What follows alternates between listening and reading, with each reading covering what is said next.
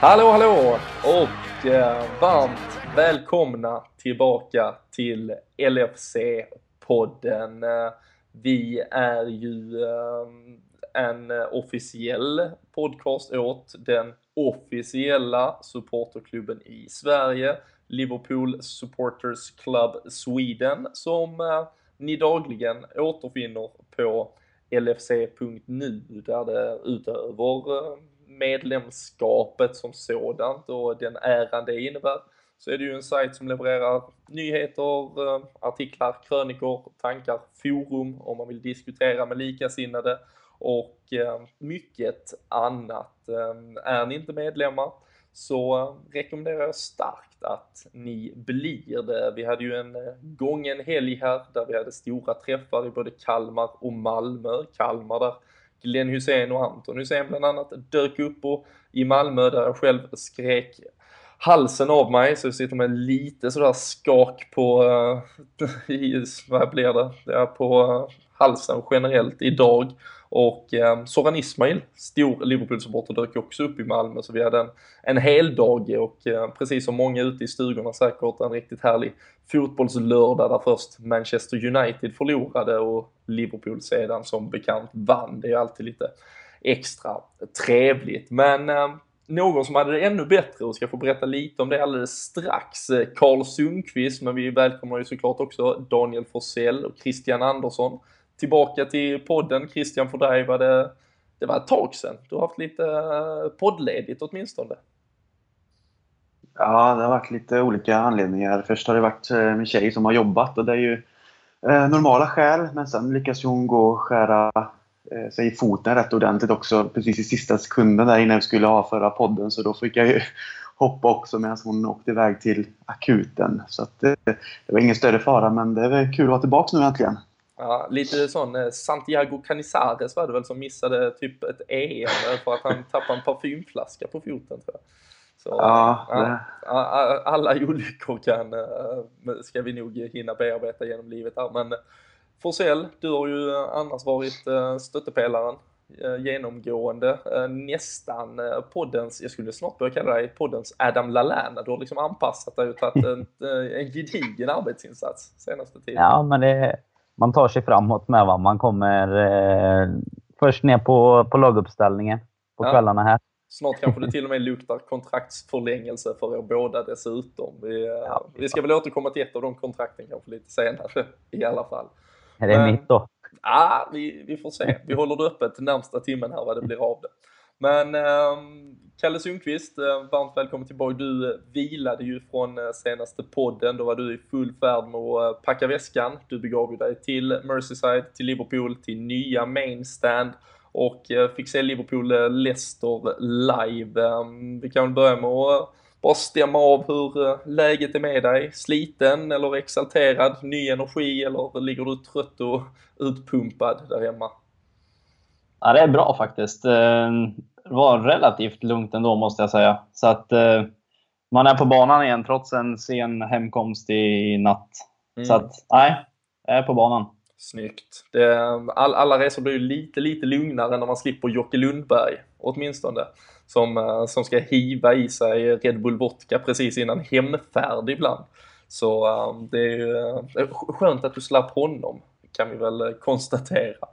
Hur, ehm, hur var det annars eh, på plats i Liverpool? Ehm, det är ju alltid trevligt, det, det vet ju vi, det vet säkert många där ute, men ehm, det var ju ett nytt Liverpool på några sätt och vis i alla fall, framförallt ett nytt mainstand. Hur var eh, fotbollsupplevelsen i och eh, omkring arenan i förhållande till vad man tidigare har upplevt? Det var lite, lite speciellt faktiskt när man var ju där någon gång under fjolåret också när de höll på bygga arenan och den i stort sett man kunde se vad det skulle bli av den. Men det var någonting speciellt nu att komma dit när allting var klart. Och många var ju där ganska tidigt innan match som jag förstod och har gått runt arenan och knäppt bilder och, och sådär. Den är ju jävligt maffig så att det, det var jäkligt häftigt faktiskt för, för de som har varit på, på Anfield, eh, men även eh, säkerligen många som har liksom tagit del av av den stämningen även om man inte har varit där. Annars är ju liksom fotbollsupplevelsen i Liverpool är ju väldigt liksom, det är de små, trånga, stökiga pubbarna, du går in genom de små, tajta dörrarna och du går ju stort sett rakt ut på arenan sen. Nya mainstand, du satt ju även på nya mainstand som jag har förstått det, så att jag inte ljuger här. Men lite mer kommersiellt på något sätt. Eh, kunde man känna det på något sätt? Att liksom ja, större ölstånd och att var det någon del i känslan som, som blev sämre på grund av någonting större eller hade man fått att smälta in väldigt fint i, i den liksom helhetsbild som ligger runt Anfield annars? Nej, jag tycker att de hade fått ihop det eh, väldigt bra måste jag säga. Det är ju, det är ju mycket rymligare inne där än vad det är på övriga delar av arenan. Men eh, de har fyllt ut det bra med, med mycket liksom småstånd där man kan köpa ja, men, eh, korv, hamburgare, öl. Liksom, de har fyllt ut det med jäkligt mycket sånt där och man kan kika ut över stan. Och, ja, jag tyckte de hade fått ihop det jäkligt bra. Och det är jäkligt fint här inne.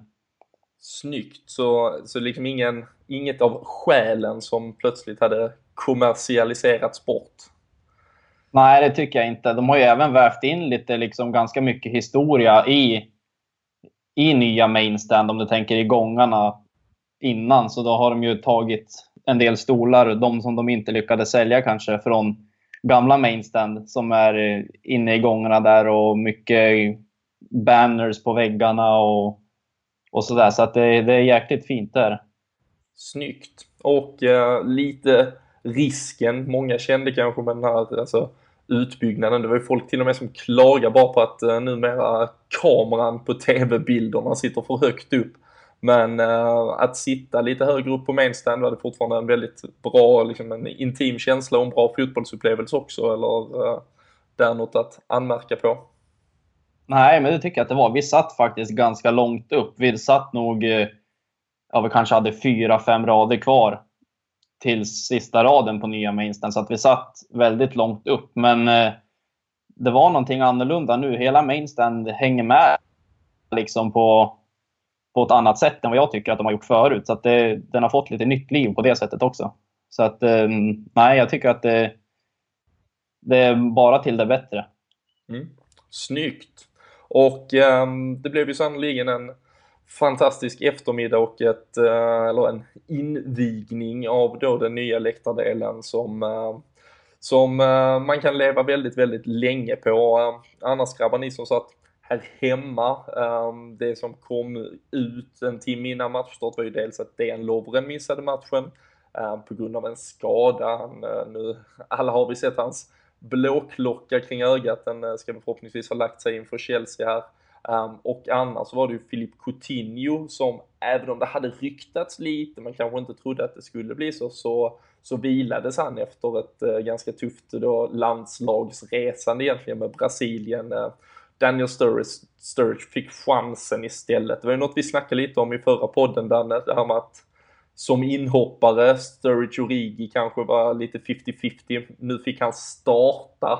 Hur, uh, hur tyckte du han akklimatisera sig till eh, omgivningen och eh, han fick ju mycket kritik efter Burnley-matchen till exempel. Eh, men en lite annan spelare i lördags kändes det som.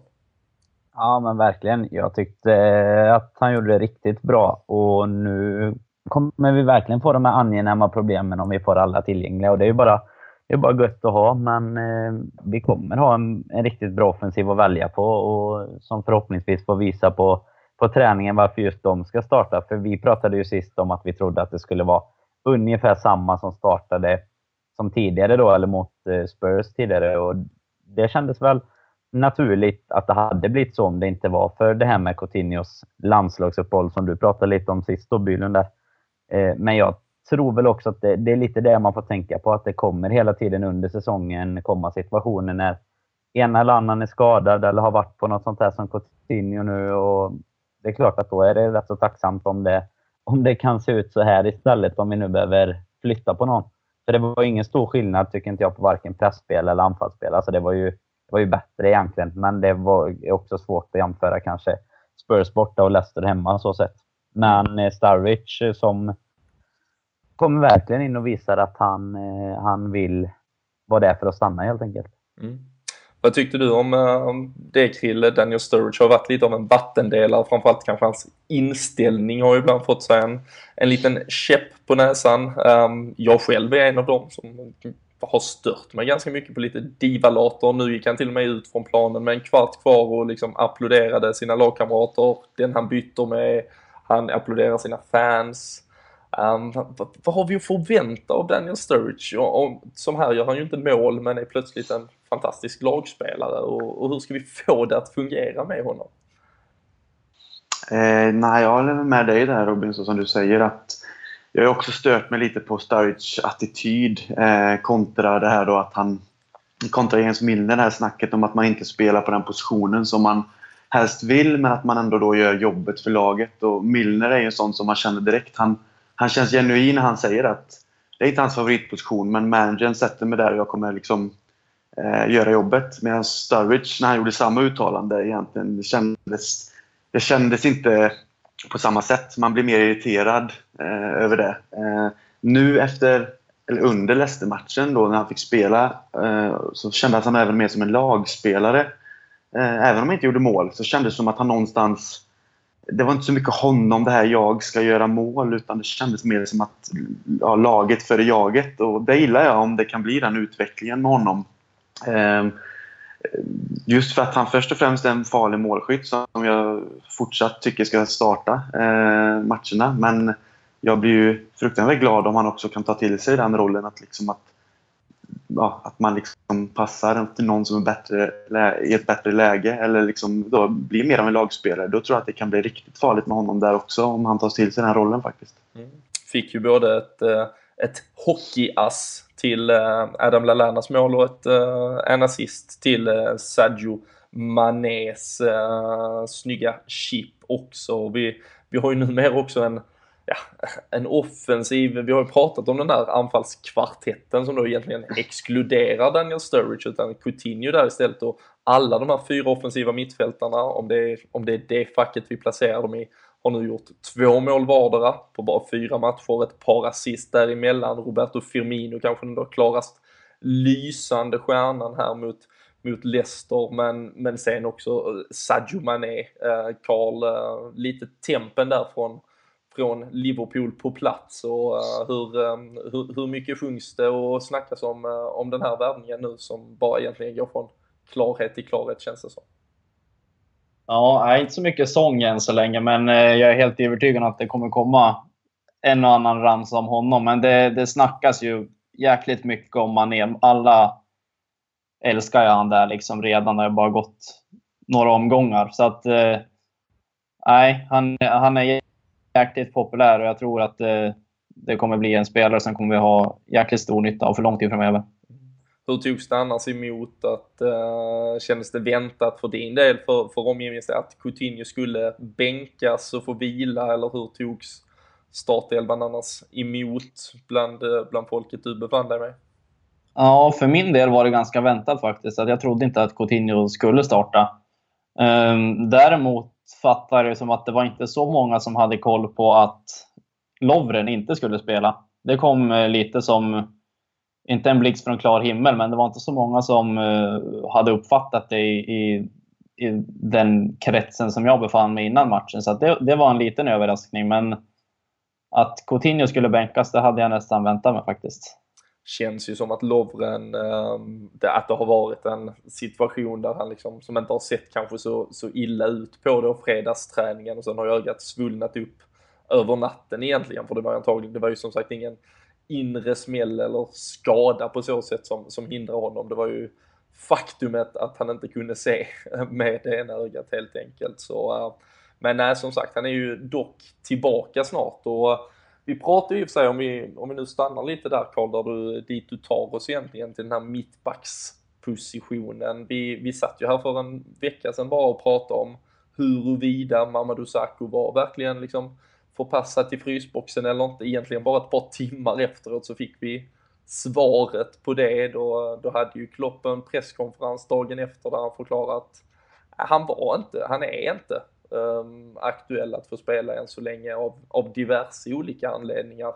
Um, Ragnar Klavan drogs med skadebekymmer själv också, även om han nu är på väg tillbaka och istället blev det Lukas Leva som fick uh, vikariera som mittback och vi, vi hade väl höjt ett varningens finger för att vi inte var så breda, djupa i, vårt, uh, i vår mittbacksuppsättning. Christian, vi ska inte stirra oss blinda på det misstag som föranledde Leicesters mål, men Lukas Leva som mittback i övrigt, hur, eh, hur tyckte du han fungerade?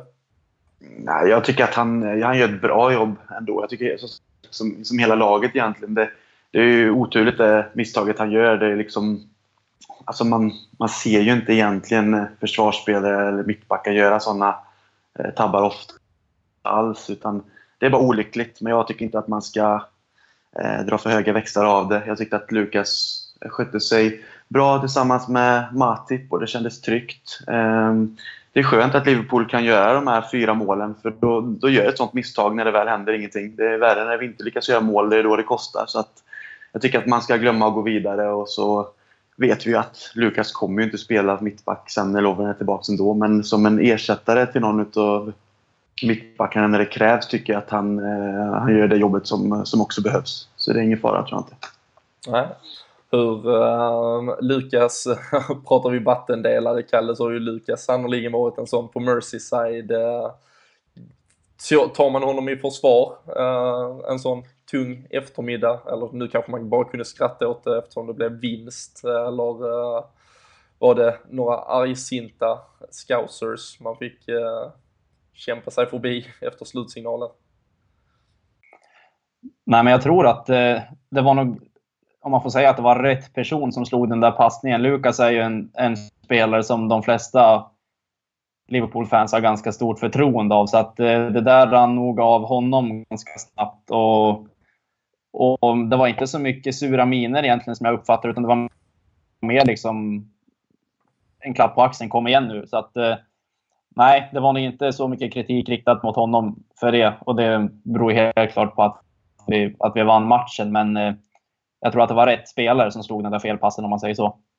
Har ju blivit, eh, eller på väg, god väg att bli lite av en så här kultfigur nästan Danne känns det som, Lukas. Från hatad till älskad till man förstår knappt att han stannar säsong efter säsong och, och nu tycker man bara på något sätt om honom. Eller eh, är det bara min, eh, min egen snickrade åsikt? Nej, men jag håller med dig där. Det enda som eh, däremot alltid är väldigt konstigt det är ju att man tror ju alltid typ i slutet på fönstret att ja, men nu, nu blir det nog besiktas eller någonting för Lukas här. För det, han ryktas ju bort i varenda fönster.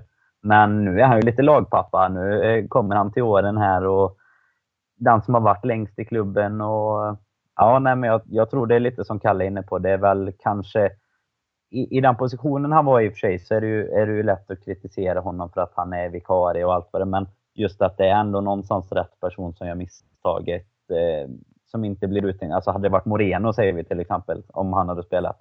Det hade ju varit eh, ramaskri. Lynchstämning direkt. Ja, men det hade varit, även om vi hade vunnit med 4-1 känns det som. Det liksom tar bort han ur, ur vårt lag och våra liv ungefär.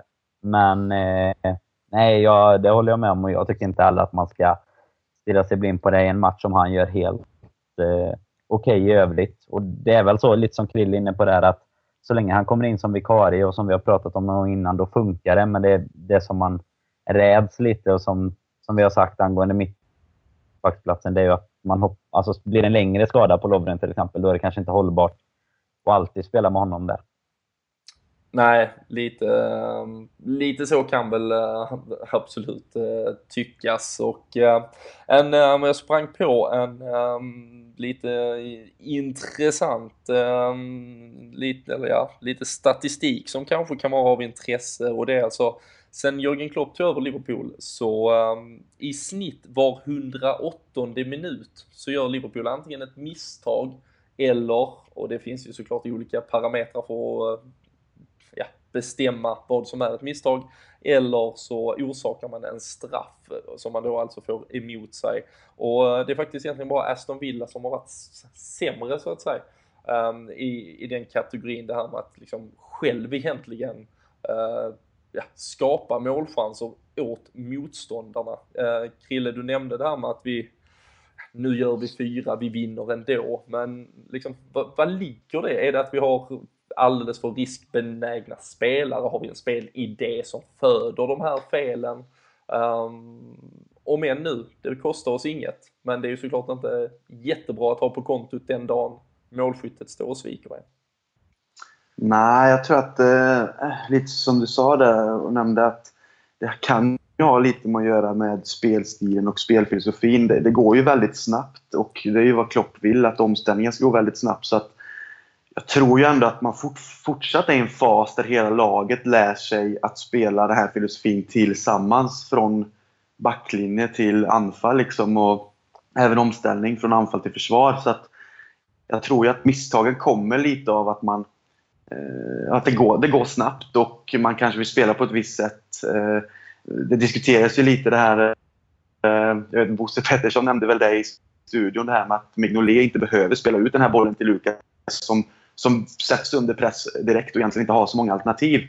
Eh, då kan man ju diskutera om man bara ska tjonga upp bollen liksom långt eller om Mignolet själv ska göra det. Men någonstans vill man väl spela på ett sätt och Ja, och innan det kanske har satt sig helt så kanske man kan räkna med att det sker lite misstag. Men nu har vi väl sett ända från början egentligen, bortsett från Burnley-matchen, att, att Liverpool börjar någonstans sätta ett spel som, eh, ja, som motståndarna har svårt för och som chockerar lite. Vi, jag har spelat bra i eh, alla matcher förutom mot Burnley och eh, vi har skapat målchanser och har ett väldigt, en väldigt bra rörelse och ett bra passningsspel.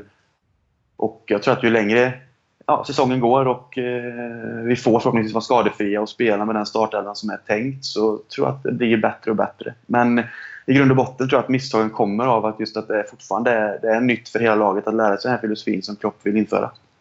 Mm.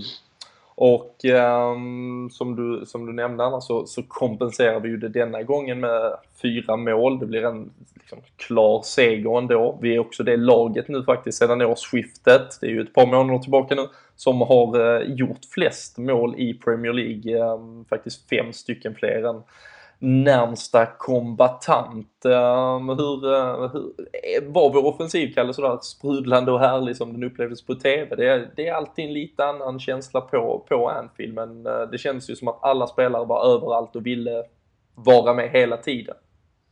Ja, nej, det är som du säger. Det, det, är lite annorlunda när man är på plats. Men man fick eh, precis den där känslan som du beskriver. Att det var... Jag varit faktiskt jäkligt överraskad över hur bra organiserad offensiv vi ändå hade. Alla, alla spelare, offensiva spelare, var, var jävligt eh, delaktiga och mycket positionsbyten. Eh, så att jag, jag har varit jäkligt överraskad över det. Så det, det, var, det var en av de sakerna som jag nästan tar med mig mest ifrån den matchen. Att vi var så bra offensivt. Mm. Och ehm, en spelare som, eh, som vi har ehm, inte ifrågasatt som spelare, men kanske hans sätt att ta sig an sin nya roll, om det är det mest hållbara i längden, funkar det mot alla typer av motstånd.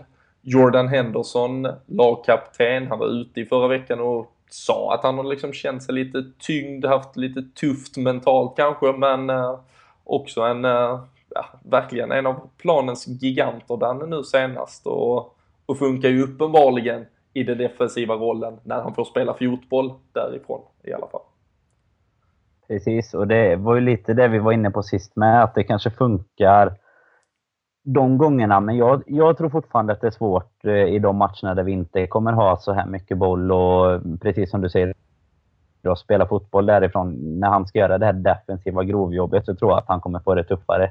Men eh, absolut, i, i de här matcherna där vi förväntas kanske föra spelet. Det kanske snarare är en väldigt viktig roll att ha då, alltså att man kan någonstans spelfördela, hitta på lite saker. Och jag tyckte även att han hängde med lite mer offensivt. Kan ju ha berott på att Leicester sjönk extremt mycket i vissa fall, men han gjorde några sådana här Henderson-löpningar eh, in i straffområdet, liksom när han bara ångar på egentligen. Sen fick han inte alltid bollen, men just det ger ju en, alltså vad ska man säga, en intention, liksom en rörelse som kanske öppnar för någon annan eller visar hela laget. Lite kanske det vi har saknat, att han visar det här att nu, nu ska vi fan ge allt liksom. Så absolut, han var, var riktigt bra i, i helgen här. Mm. Och um, vi får ju se, nu blir det lite intressant för det är ju ett helt, liksom en helt ny typ av match på fredag. Chelsea borta.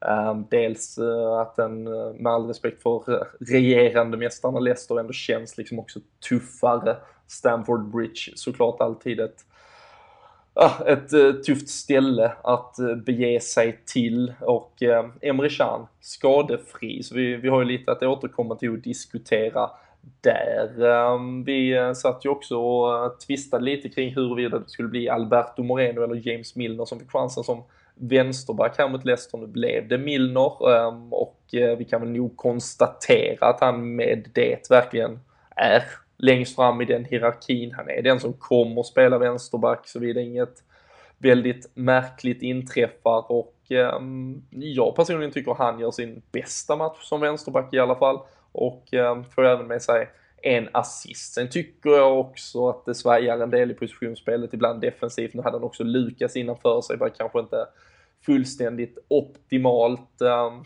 vi, eh, vi fick ju en fråga här eh, från Joakim Forå om vi eh, fortfarande, framförallt jag, jag fick ta bära det hundhuvudet, eh, saknar Jonas Hector eller någon annan vänsterback, men James Milner har ju såklart skött rollen med, med den äran, men vad tycker ni, liksom har han har han blomstrat på den nivån så att vi liksom eh, aldrig någonsin mer behöver prata och köpa vänsterback? Eh, eller eh, vad snackar, hur är surret där Kalle? Kring eh, Milner, vänsterbacken och, och allt det?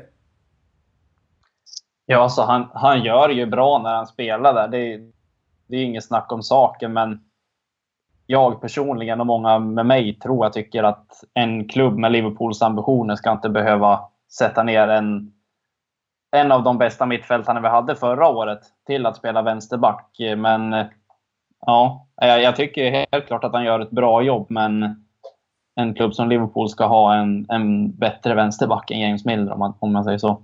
Mm. Jag, jag instämmer där. Jag får väl eh, liksom ta lite kring det. Jag förstår att det var, det var med viss glimt i ögat här eftersom det då har sett eh, bra ut från eh, James Milner. Men jag tycker ju att han, precis som du också säger, ska vara ett alternativ någon annanstans i banan. Eh, med det inte sagt att han kanske bör starta matcherna som det ser ut just nu. Um, och därmed så fungerar han ju som en bra vikarie, men, uh, men nej, självklart tycker jag också att vi fortsatt uh, har en lucka att fylla där. Uh, han är ju inte heller pur ung, utan det behövs ju såklart att vi har en ja, något att bygga även eh, vänsterbacksplatsen på för framtiden. Ehm, och ehm, att han kan vikariera och med den äran, det, det, är ju bara att tacka och ta emot för. Han är ju, som du nämnde innan Christian, den där typiska lagspelaren som kan anpassa sig till allting egentligen. Men eh, vi, ehm, vi får väl se lite vad det blir, eh, blir av det, vad det lider. Men att han gör en gedigen insats kan han såklart ha cred för. Ehm, en spelare jag tycker vi ska nämna lite, fastna lite för, uh, och det är uh, kanske en personlig favorit just nu. Uh, Adam Lallana som har anammat Jürgen Klopps spelidé till fullo. Löpte 13,1 kilometer i helgen, mest av alla Premier League-spelare på hela, över hela säsongen faktiskt. Och har nu efter fyra omgångar lagt två mål till sitt namn, gjorde även mål för England. Um, Christian är den uh, på Adam Lallana som tidigare fick mycket kritik för att kanske sakna den där udden. Det var mycket stampa på boll och sådär. Uh, men han verkar ju verkligen trivas i den nya omgivningen. Mm, jag tror att han trivs just för att det är bättre rörelse i laget. Um, innan han fick boll och som du nämnde, att det var mycket kladd på bollen, det tog lite lång tid eh, kan få känslan ibland, ibland att det är också liksom för att alternativen kanske inte riktigt har funnits på samma sätt som det finns nu. Och sen tror jag även att om man ska se till den tiden när han spelade i SA-15 och eh, anledningen till att vi köpte honom så känns det som att han har hittat till den nivån och tagit ytterligare steg i utvecklingen under Klopp och lärt sig, lärt sig mer. Så att jag tycker som sagt, som det också nämndes liksom eh, på TV, att han har tagit det klivet Eh, och visat att han är den spelaren och varför eh, Liverpool faktiskt köpte honom då från SA-15. Så eh, känslan är att han faktiskt då har tagit några steg till under Klopp och att eh, med filosofin då, rörelsen, passar honom så bra för att han är, han är en sån vad ska man kalla det? Han är en sån spelare som vänder ut och in väldigt mycket och är svår att liksom beräkna vart, vilket håll han kommer gå. Så att hela filosofin tror jag passar honom och att det då är ett, eh, en stor rörelse i offensiven. Så att eh, förhoppningsvis så fortsätter han bara på den inslagna vägen och, och fortsätter göra mål och bidra så mycket i offensiven som han gör och täcker så mycket yta genom att springa. Så att, eh, det är jättekul att se. Det är det. Mm. Danne, det var en match mot regerande mästarna. Hade vi egentligen något annat år de senaste tio tvålat dit någon med den titeln med 4-1 på Anfield så hade det såklart sjungits uh, stora uh, hyllningskörer. Uh, hur, hur mycket växel kan vi dra av 4-1 här mot Leicester? Var det en eh, värdig regerande mästare vi såg eller var detta här med matchbilden vi kommer att se mot, med all respekt, de lite sämre lagen på Anfield tror du? Ja, utan att ta något ifrån deras eh, bragd förra säsongen så tror jag väl det egentligen. Jag tror inte att matchbilden hade varit densamma om vi hade mött någon av de lite större klubbarna eh, sett till många års erfarenhet om man säger så då, United City och så vidare. Även om vi givetvis har spelat fantastiskt bra mot dem. Det är kanske är där vi har spelat våra bästa matcher de senaste åren.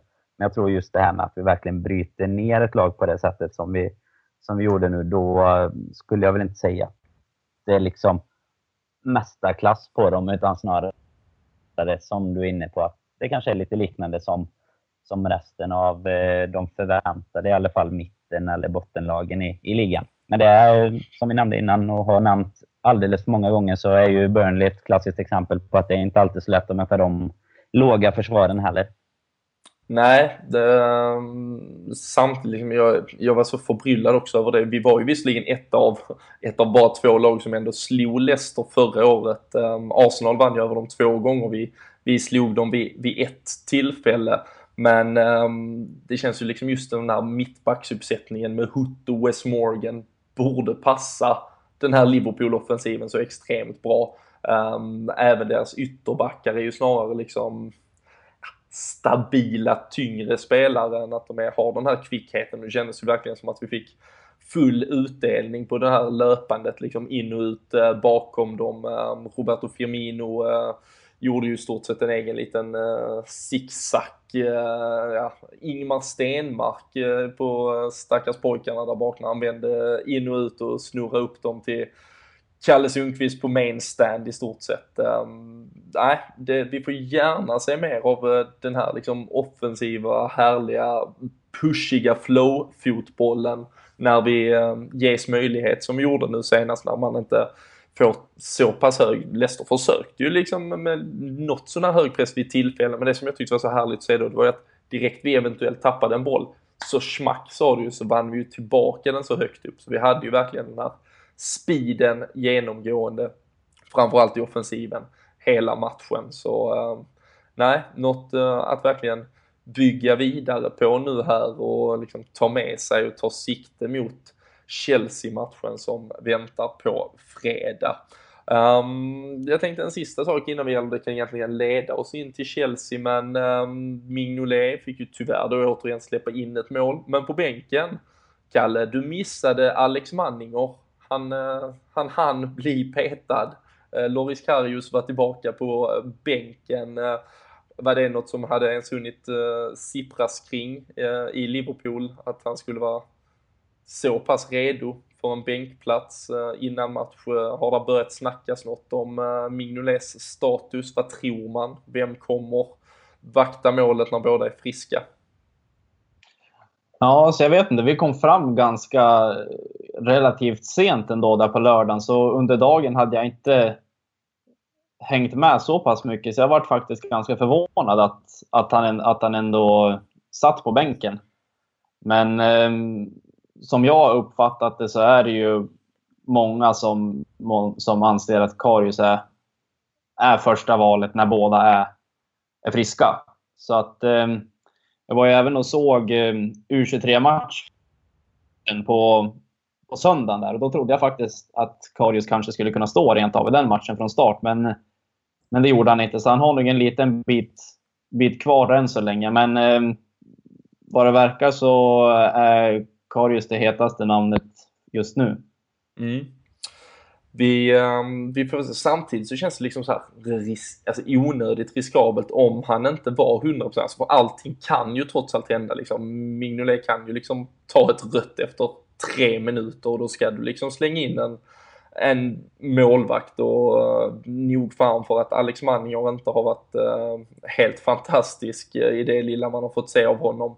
Men eh, man får ju ändå utgå ifrån att Loris Karius var så pass fit så att han skulle kunna hoppa in och spela för annars är det ju eh, direkt dumdristigt att, att sätta honom på bänken. Sen om det betyder att han är helt frisk för att liksom vara utgångs och nummer ett-valet eh, då kanske på fredag eller inte, det, det förtäljer ju såklart inte det. Men ehm, Christian, vi pratade ju mycket, det var ju liksom ett av de största samtalsämnena i den första podden vi spelade in i somras. Eh, och ehm, ja, Mignolet fick ju på något sätt en fri biljett här att säkra sin plats. Hur, eh, hur tycker du att han har inlett säsongen och har han ja, förskjutit de där, eh, det där, den maktkampen på något sätt? Eller vem, vem, vem får tröjan när båda är friska? Nej, jag tycker det är lite svårt faktiskt. För det är svårt med när, som till exempel nu mot Leicester, när hela laget spelar bra och Mignolet gör det också bra. Alltså han har ju en räddning på Vardy också där, så när han kommer igenom, där han kommer ut, ut bra. Och, tycker han känns ändå stabil. Det är väl ändå det här kanske då som de pratar om passningen till Lukas som en sån är nödvändig. Men det är inte direkt något misstag heller. Jag, jag, tycker att han ändå har varit bra. Det, det, är svårt tycker jag att säga för så mycket har man ju inte heller sett av eh, Karius att man riktigt kan eh, liksom säga att han är jag vet inte om man ska säga att han är bättre än Mignolet eller om han är likvärdig honom. Utan jag tycker Mignolet någonstans har ja, bevisat sig ändå att han, han håller en viss klass. Och eh, han, det har väl inte varit så öppet för de här misstagen än. Och det hoppas man ju inte sker heller. Men minsta lilla av ett sånt misstag så kommer ju Karius att få stå. Så att, eh, det gäller ju att han bibehåller en viss form och visar en stabilitet för att han ska fortsätta stå det tror jag. Eh, sen vet jag inte om det är rätt att slänga in Karius direkt när han är frisk efter att Mignolet ändå någonstans har visat att han, att han klarar av uppgiften. Men det återstår ju att se då när nästa misstag händer. Det är väl lite så den känslan man har tyvärr. Mm. Det, det, det, är också en av sakerna folk eh, frågar mycket om på, på Twitter just nu. Robert Rosenqvist frågar ju det bland annat liksom Karius i kassen, hur ställer vi upp på fredag? Um, Dan, eh, hur, hur tycker du kring det? Alltså för en av vinklarna, vi hade väldigt många egentligen där i somras när vi pratade med Mignolet var ju att han Alltså det behövdes kanske inte fler misstag för att han skulle petas utan det var bara alltså han har förbrukat sin chans sen tidigare. Har han då gjort, har han gjort något här under säsongsinledningen på att liksom överbevisa att han är tillräckligt bra eller har det bara varit ja, ljummet vatten? Eller um, hur står du i målvaktsfrågan dags dato? Jag tycker väl egentligen inte att han har gjort någonting som ska ta bort eller göra någonting bättre för honom jämfört med vad, vad ska man säga, vad grundtanken inför säsongen var. Nu var ju jag en av dem eh, som inte kanske trodde att han skulle vara petad mot Arsenal oavsett eh, om båda hade varit friska. Men eh, jag tycker snarare att det har blivit tvärtom. Att jag, nu vill jag gärna se Karius och är han frisk så tycker jag att är grundtanken att han ska stå så spelar det ingen roll om det är Chelsea borta. Liksom in, med, in med han om det känns så. För jag tycker inte att Mignolet är någon general där nere ändå som känns som att det kommer att bli så mycket bättre. Utan eh, är det tänkt att, att det är han som ska vara där i framtiden så är det lika bra att börja på fredag. Däremot tycker jag väl kanske det kan vara lite tidigt om det nu, alltså bara baserat på vad man har läst med när han skulle varit tillbaka från början och så. Så jag vet inte om jag riktigt tror att han kommer att vara där. Men jag tycker väl att Mignolet inte har... Eh, så han har inte gjort bort sig heller så, men han har inte gjort någonting som liksom har befäst platsen heller riktigt. Nej. Det, det blir väl en, eh, som sagt, eh, är det, är det inte en 100% Karius så kan vi åtminstone då utgå från att vi på något sätt vet vad Klopp väljer och det är ju kanske att fortsätta starta Mignolet. Men eh, är de jämnbördiga, båda är 100% fit for fight, då kan det absolut bli ett litet vägval vi står vid och får följa med på på fredag kväll helt enkelt. Ehm, Däremot, eh, den är ju alltid svår. Liksom. Det känns ju... Det, hade det inte blivit bra mot Chelsea om de hade satt in Karius så är det ju så svårt. Och det känns som det är den svåraste positionen att bara byta ut helt plötsligt så utan, lite som Krille är inne på, att det känns nästan ofta som att man måste spela sig bort från målvaktspositionen. Eh, som Mignolet har gjort ett par gånger tidigare faktiskt. Så, eh, så jag vet inte, det, det är svårt. Vad tror ni? Tror ni att han eh, skulle starta om han, eh, om han är helt frisk? Alltså min tanke kring det hela det är väl att egentligen, alltså som du nämner egentligen, alltså vilken match spelar väl inte så stor roll, men på något sätt, det skulle ju liksom vara en kollektivt okej okay insats att förlora mot Chelsea. Vi, vi, skulle kunna komma undan med det. Och liksom oavsett om Karius då släpper in två mål och de är lite halvdana, liksom, det är på något sätt något vi kan gå vidare från. Um, att däremot göra sin debut mot, om det hade varit Burnley till exempel och förlorat med 2-0 direkt, då hade det ju verkligen varit hmm, var det det här skitet vi har gått och väntat på i tre år? Uh, liksom. Så uh, nu, nu ska vi inte måla fram på väggen och tro att det överhuvudtaget ska bli så här utan uh, jag tror att vi kommer att vara ett bättre lag. Jag tror att uh, Loris Karius är en bättre målvakt än Mignolet. Jag tycker ju att han, fast att han försökte vara Ivan Drago i eh, matchen här mot Leicester, han har ju själv upp en bild på det sen på Instagram också, så, ehm, så var han återigen ganska svajig. Han fick bort bollen men vi har situationen som mynnar ut i att den landar ja, kring ribban någonstans och vi, vi har ett par andra ingripanden som inte är klockrena. Så ehm, nej, jag, jag, jag är väl eh, på ehm, Karius sidan när, när båda är helt fit for fight och däremot är jag stenhårt på Mignolet-sidan om Karius inte är 100% för något annat funkar inte som Premier League-målvakt. Liksom. Du måste vara, framförallt han har haft problem med en hand. Liksom. Skulle han minsta lilla tveka i en situation så, så kommer en Diego Costa liksom utnyttja det. Och um, så nej, vi, just vad gäller fredag tror jag det är ganska öppet, men jag tror på sikt att Loris Karius kommer att ta den där tröjan i, i alla fall. Men eh, en annan tröja och en annan position som eh, nu får mycket uppmärksamhet. Vi kan ju börja egentligen sätta siktet mot Chelsea-matchen istället. Eh, som nämnt så är det fredag kväll som gäller. Bara det hade ju kunnat eh, egentligen fyllas av en helt egen podd att vi ska spela Premier League-fotboll på fredagkvällar. Men eh, så är fallet och eh, Emre Can sägs ju vara fit for fight. hur tycker du Kalle Sundqvist? Är det är rätt att, eh, eller bör vi skicka honom rakt in i startelvan? Eh, Filip Coutinho, en annan spelare som som sagt satt vid sidan av. Eh, lite huvudbry för Klopp offensivt om vi tittar mittfält, anfall, framåt. Ja, nej, jag är lite inne på Dannes spår som han nämnde där i början på podden att eh, det är ju skönt att ha de här angenäma problemen för en gångs skull att man har så många bra spelare som slåss om positionerna. Men ehm, ja, jag, är ett jäkligt stort fan av Emre Can, men samtidigt tycker jag inte att, eh, att vi ska förändra på någonting i elvan efter en sån här pass bra match. Jag tyckte Wijnaldum också var, var bra sist. Det kanske inte gick ut så väl genom TV-rutan, men han var jäkligt delaktig i uppbyggnaden av våra, våra om, eller, omställningar. blev det ju inte heller i och med att vi hade bollen så mycket, men i, våra, i vårt offensiva spel, om man säger, vad han, var han en jäkligt viktig pjäs, tyckte jag, i matchen senast tillsammans med Henderson. Så att eh, jag tycker egentligen inte att vi ska förändra någonting i, i elvan eh, till matchen mot Chelsea. Nej, eh, intressant och kanske kommer komma andra åsikter från, eh, från herrarna här. Eh, Christian, du har, du har själv upplevt ett par drabbningar med Chelsea på eh, Stamford Bridge. Eh, du vet hur speciellt det är för mycket Liverpool-fans att ta den där resan ner till Fuck off Chelsea FC. Um, ehm, dels vad tror du vi har att förvänta oss uh, på fredag? Är det många som har tagit ledigt hela dagen för att vara bra på gasen fredag kväll och vad tror du om startelvan sen också? Ja, vi börjar med det här som du säger med fredag kväll. Det är, det är ju mysigt för oss hemma i TV-soffan liksom som kan eh, ladda upp med kanske en öl och lite snacks och bara se fram emot matchen. Men jag tycker ju synd om dem som Eh, är från Liverpool och följer laget som då helt plötsligt ska behöva åka ner till London en fredagkväll liksom efter en arbetsvecka. Kanske tajt inpå med eh, och sluta jobbet också. Alla kan ju inte bara ta ledigt heller utan även om, även om eh, majoriteten säkert skiter i jobbet.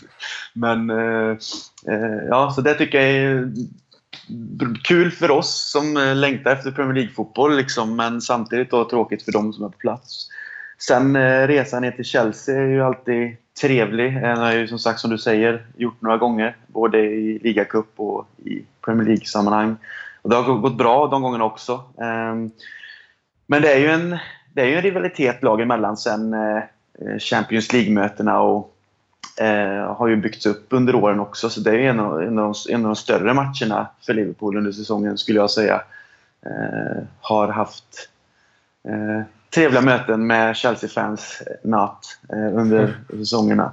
Men i alla fall, jag ser väl lite som Kalle är inne på att jag ser heller inte att man ska ändra i en eh, elva som gjorde det så pass bra, även om det nu är en bortamatch och det blir kanske en annan matchbild, lite annan taktik, så tycker jag att självförtroendet som kommer från en sån match efter Leicester, där man sätter sitt spel, man skapar mycket chanser, man gör snygga mål och eh, mål efter bra anfall. Då tycker jag liksom att det är ingenting man ska förändra, även om man möter Chelsea borta. Tycker att man hellre ska ta med sig det in i matchen och eh, våga gå för att vinna eh, med viss eh, respekt då, eh, eftersom att Chelsea är ett annat lag än vad Leicester är. Men jag tycker att eh, kör på startelvan som var mot Leicester och så finns ju då nu Emre Can på bänken att hoppa in om det är så att man behöver ändra matchbilden eller kanske säkra upp bakåt vid, eh, vid en eh, önskan av att vi leder då såklart eller något sånt där. Men eh, ja, jag tycker att startelvan ska vara intakt från förra matchen. Mm.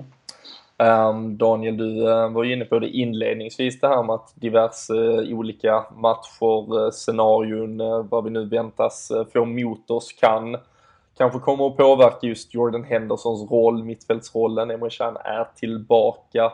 Det, eh, du ska alldeles för strax liksom få spekulera vidare kring det. Jag tänker Chelsea är ju också ett lite nytt lag med Antonio Conte som gärna har spelat två defensiva mittfältare, liksom ett ganska tajt och tufft försvar vill han ju gärna bygga, lite typiskt italienskt, men att även Mourinho var en bussparkerare av rang och ehm, John Terry gick ut med skada senast mot Swansea och eh, det ser nu ut som att David Luiz gör sin eh, första match i sin nya sejour i, eh, i Chelsea-tröjan. Även Gary Cahill ryktades ju eventuellt ligga risigt till att få en avstängning efter att han var ute och svinga lite på Twitter mot att han fick en straff mot sig var det väl här mot Swansea senast. Men ehm, ja, Chelsea till viss del lite nytt. Leicester-spelaren som kanske saknades för dem i helgen. Kanté är ju där. Louise som sagt ser ut att vara på väg in. Men eh, vad tycker du att vi bör anamma för approach och liksom ska vi vara de som plötsligt kommer till Stamford Bridge och, och för spelet eller måste vi balansera om det lite? Nej, jag tror väl eh, taktiskt att man kanske behöver balansera om det men tyvärr eh, får man väl säga för spänningens skull och för intrigernas skull här i panelen så är väl jag ganska, stämmer jag in ganska mycket med de andra förutom att jag vill ha in Lovren där bak då, om han inte om han nu ser på sitt andra öga här. Eh, det byter jag rätt av. Där finns inget att hålla på med Lukas. Eh, utan när han ska ut och så Lovren in. Men resten tycker jag väl att vi kan behålla. Men lite som du är inne på, vi behöver ändå komma dit med en annan approach. Och sen är jag väl absolut en, en sån som förespråkar, jag pratar även om Moreno kontra Milner.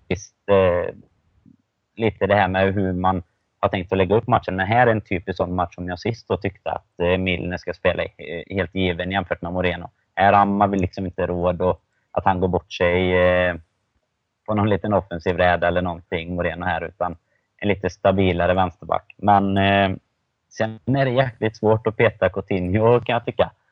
Men jag vet inte riktigt vart han ska in heller, för det gick ju så jäkla bra nu i lördags. Mm. Han gjorde ju dessutom två mål senast. En av Jörgen Klopps eh, första matcher som eh, Liverpool-tränare var ju ett besök på Stamford Bridge där, eh, där det såg till slut då riktigt, riktigt illa ut för José Mourinho. Då gjorde ju Coutinho två eh, ja, magiska mål egentligen, så typiskt. Coutinho var fullständigt osynlig, lite alla Arsenal. Eh, jag vet att jag hade en tweet hängande över mig själv där jag skrev att vi skulle byta ut honom i paus. Så gjorde han två fantastiska eh, mål sen direkt därefter. Men um, därav lite egentligen, av, av den lärdomen så tycker väl jag att han i en sån här match ska in. Chelsea är också liksom, de försvarar lågt. De gillar att liksom sitta och egentligen täcka skott verkligen. Det är ju på den nivån de försvarar i stort sett. Och eh, finns väl en rädsla lite tycker jag att, att Daniel Sturridge i ett sånt läge skulle kunna bli lite återfallsförbrytare och sjunka långt ner, och vilja göra annat än det han skulle kanske fokusera på som lagspelare. Och eh, ja, jag ehm, tror väl också för balansens skull, eh, som sagt, eh, Henderson har varit sådär när han har varit verkligen defensiv mittfältare, som spelfördelare, som liksom passningsfot i den där defensivare rollen. Alldeles fantastiskt bidragande med sitt tvåvägsspel. Också lysande. Men eh, mot Hazard, William, Oscar, den ytan framför backlinjen kommer de leta efter hela, hela, hela tiden. Och eh, Costa kommer sätta press på våra mittbackar. Så, så skulle jag nog eh, för mitt eh, hjärtas välmående vilja se Emre Can tillsammans med Henderson. Um, lite mer som två sittande och eh, på så sätt kanske då mer en 4-2-3-1 uppställning där eh, Coutinho också kommer in tillsammans med Lalana och Mané, Firmino längst fram i den här tidigare då så uttalade och älskade kvartetten som vi har pratat om i, i poddsammanhang tidigare. Det har också varit de som har bidragit med målen, kan bidra med mål från alla möjliga positioner egentligen. Och eh, ja, så i min bok, Emre Can, Coutinho in, Wijnaldum, Daniel Sturridge ut och eh, sen också då mittbacksparet såklart, eh, Lovren Matip. Återigen hoppas vi på att det är komplett helt enkelt. Men um, vad tror ni annars? Har ni sett Chelsea förresten? Någonting, någon av er under säsongen? Har ni hunnit få någon känsla vad de är för ett lag nu för tiden kontra vad de var tidigare? Fritt fram och, och hugga tag i den bollen. Ja, de är ju ett lag som vinner på att Costa gör sena mål. Eller spelar lika på att Costa gör sena mål. Han gör mycket mål helt enkelt den här säsongen. Mm, han verkligen vara på något eh, lite återfödd. Ja, och han bör ju bli utvisad varje match precis som vanligt, känns det som också. Men han, han är en sån spelare, han är lite på gränsen hela tiden och han är ju jäkligt bra i sina, i sina bästa stunder. Liksom. Men jag tycker jag har svårt att riktigt se vad de, eh, ja, vart de vill så att säga. Det känns lite som du sa att Conte vill bygga lite mer defensivt, stabilt lag. Nu har inte jag sett alla matcher med dem, eh, men har kikat en hel del. Och, eh, nu bland annat eh, sist här har jag kikat lite. Och, jag vet inte, alltså jag, jag tror inte att det är omöjligt att det skulle kunna bli så. Nu kanske man är lite håsad bara för att eh, vi, vi slog Leicester och det såg så fint ut. Men kan vi få igång den rörligheten mot deras backlinje, om nu David Luiz spelar dessutom, det gör mig absolut ingenting. Jag tycker han är ganska begränsad som, som försvarsspelare faktiskt. Eh, om man jämför med, med en sån eh, rutinerad stjärna som Terry. Så mm. att, kan vi få igång det så tror jag ändå att det kan se ganska trevligt ut. Mm. Ja, det får gärna bli en kupé. Vi har ju faktiskt också liksom resultatmässigt åtminstone haft eh, ganska lätt mot, eh, mot Chelsea på Stamford Bridge. Det var som du nämnde Christian, du har ett par liveupplevelser i bagaget. Eh, vi hade ju var det säsongen som sen slutade med ligacupguldet kanske? Där vi var och spelade mot Chelsea borta precis när Lukas Lucas Leiva gick sönder. Och ehm, ja, vi har ett par andra de senaste åren. Men eh, hur är din känsla? Tror du vi kan skrälla, ska vi inte kanske kalla det, men eh, kan vi välta elefanten på Stamford Bridge? kan vi få igång rörligheten eh, som vi har sett, som vi, som vi såg mot Leicester och så mot Arsenal också, även Tottenham. Vi har ju en rörlighet som vi kanske inte har sett innan. Som vi, jag vet första podden nere i Göteborg pratade om just det här med att fylla på i boxen och att vi, vi har löpningar in bakom. Det är ju faktiskt vad vi har sett det senaste. Vi fyller ju på i boxen eh, mycket mer än vad vi gjorde någon gång nästan under förra säsongen. Eh, även om vi hade eh, två matcher var riktigt bra då också. Men eh, jag tror absolut att vi kan åka till Stamford Bridge och, och chocka Chelsea. Ehm, det tror jag. Men sen, sen är det ju lite som de andra är inne på med. Daniel med Costa, liksom, han är en farlig spelare. Han, han kan störa både alltså, psykiskt också för backar. Han är ju en sån spelare som hela tiden är på och gnager och irriterar. Och sen har de ju fruktansvärt bra spelare över hela planen med. Så att, jag tycker det alltid är svårt, just Chelsea-matcherna är alltid nervositet för min egen del. Jag hatar att förlora mot Chelsea. Det är ett av de lagen som jag avskyr eh, mest. Ehm, eh, så att jag är alltid nervös och tror aldrig att det kommer att gå bra. Men som du säger, enligt historiken så har vi ändå haft någorlunda lätt för dem. Så att min känsla är ändå att vi, har alla möjliga chanser eh, att åka dit faktiskt och chocka dem. Men, men eh, man får vara försiktig också. Eh, det, lite är ju faktiskt att irritera Costa tillbaka. För som Daniel säger, att han, där har vi möjlighet att få ett eh, rött kort kanske om vi lyckas spela det spelet på rätt sätt. Mm. Känns ju annars, på tal och egentligen en spelare vi har glömt. Jag tror vi får, vi får försöka återkomma till honom kanske nästa vecka förhoppningsvis för att han just har hållit Diego Costa ur, ur matchen. Joel Matip känns ju som en spelare som inte däremot skulle liksom falla in i något eh, psykkrig eller ens orka bry sig om Diego Costa. Ehm, kort Kalle återigen, eh, eftersom du trots allt var på plats och fick känslan eh, där känns det ju som att Liverpool också har en ny försvarsgeneral. Ehm, ett, ett lugn. Många av, skulle jag ju påstå, de som älskar Mamadou Sakho, här har vi ju en, alltså, en ny version och där allt är lite snyggare av den spelaren liksom. Det är lugnt, det är sansat och det ser så bra och enkelt ut. Eh, fick, eh, fick man samma bild av honom på plats på Anfield? Ja, jag tycker du sammanfattar det jäkligt bra där faktiskt. Eh, det är precis de intrycken jag fick och jag tror att det är många fler som också fick det. Det är, det är som du säger, han har, har ju ett, ett eh, lugn som vem som helst egentligen skulle kunna vara avundsjuk på, men att det, det är liksom så ett behärskat lugn så att han, det är bara till en fördel för honom egentligen. Mm. Um, så nej, där har vi en, en riktig guldklimp och det tror jag vi alla var riktigt överens om också tidigare i podden. Trots att han, att han kom på free transfer, men jag tror några som missuppfattade det där lite grann. Men eh, så där har vi en, eh, en riktig guldklipp för en tid framöver. Mm. Ja, vi fick ju i transfer-specialen som vi la för två, tre veckor sedan, så alltså fick vi lite någon, någon känga för att det upplevdes som att vi hade klankat ner på en gratisvärvning. Självklart var vi extremt nöjda med Joel Matip-värvningen och jag tror om man skulle lyssna igen så hör man att vi är väldigt uttalat även eh, poängterar det, men att man kanske hade velat att se ännu lite mer och det var ju snarare den här bredden i försvaret vi, vi pratade om eh, då. Men ehm, om nu Matip lyckas hålla Costa i schack, vi får se vad det blir för spelare som startar i övrigt. Ehm, Sadio Mané kanske behåller sin eh, galna glöd. Tror du att vi kan ehm, skapa lite liv, stjäla lite rubriker, till och med slå Chelsea eller hur tror du det slutar Kalle? Vi eh, börjar titta på tipsresultat här helt enkelt. Ja, jag är faktiskt inne på Christians spår där. Det Eh, Chelsea är ett av de lagen som, eh, som jag på förhand... Eh, man har en viss hatkärlek till dem. Men den här gången tror jag det, det står och väger ganska 50-50 faktiskt. Så att, som ni var inne på tidigare, om vi kan fortsätta ha den här rörligheten som vi hade senast mot Leicester, trots att Chelsea är ett lite annorlunda och lite mer fysiskt lag, så, så tror jag helt klart att vi kan skaka dem. Men om jag ska lägga mitt tips som ni kan tjäna en krona på, så är det 2-2. Snyggt! fortsatt mål i eh, alla håll och eh, ja, alla riktningar. Och eh, en poäng på Stafford Bridge ska vi väl inte liksom vara alltför besvikna med.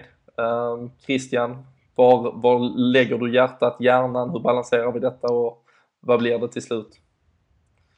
Ja, eh, min hjärna sa också 2-2. Men för att eh, skoja till det lite så tänker jag att då låter jag hjärtat bestämma. Då tänker jag att det blir 2-1 Liverpool snyggt. Sista målet bortdömt där för Chelsea helt enkelt. Så uh, hjärnan får rätt men hjärtat segrar på något sätt. um, Danne, uh, vi har hjärna och hjärta som har sagt sitt. Uh, du får uh, ja, komplettera eller spetsa till det. Du var ju närmst senast mot Leicester också med ditt optimistiska 3-0 tips. Så det är många som sitter i stugorna och vill veta hur man ska spendera sina pengar på fredag.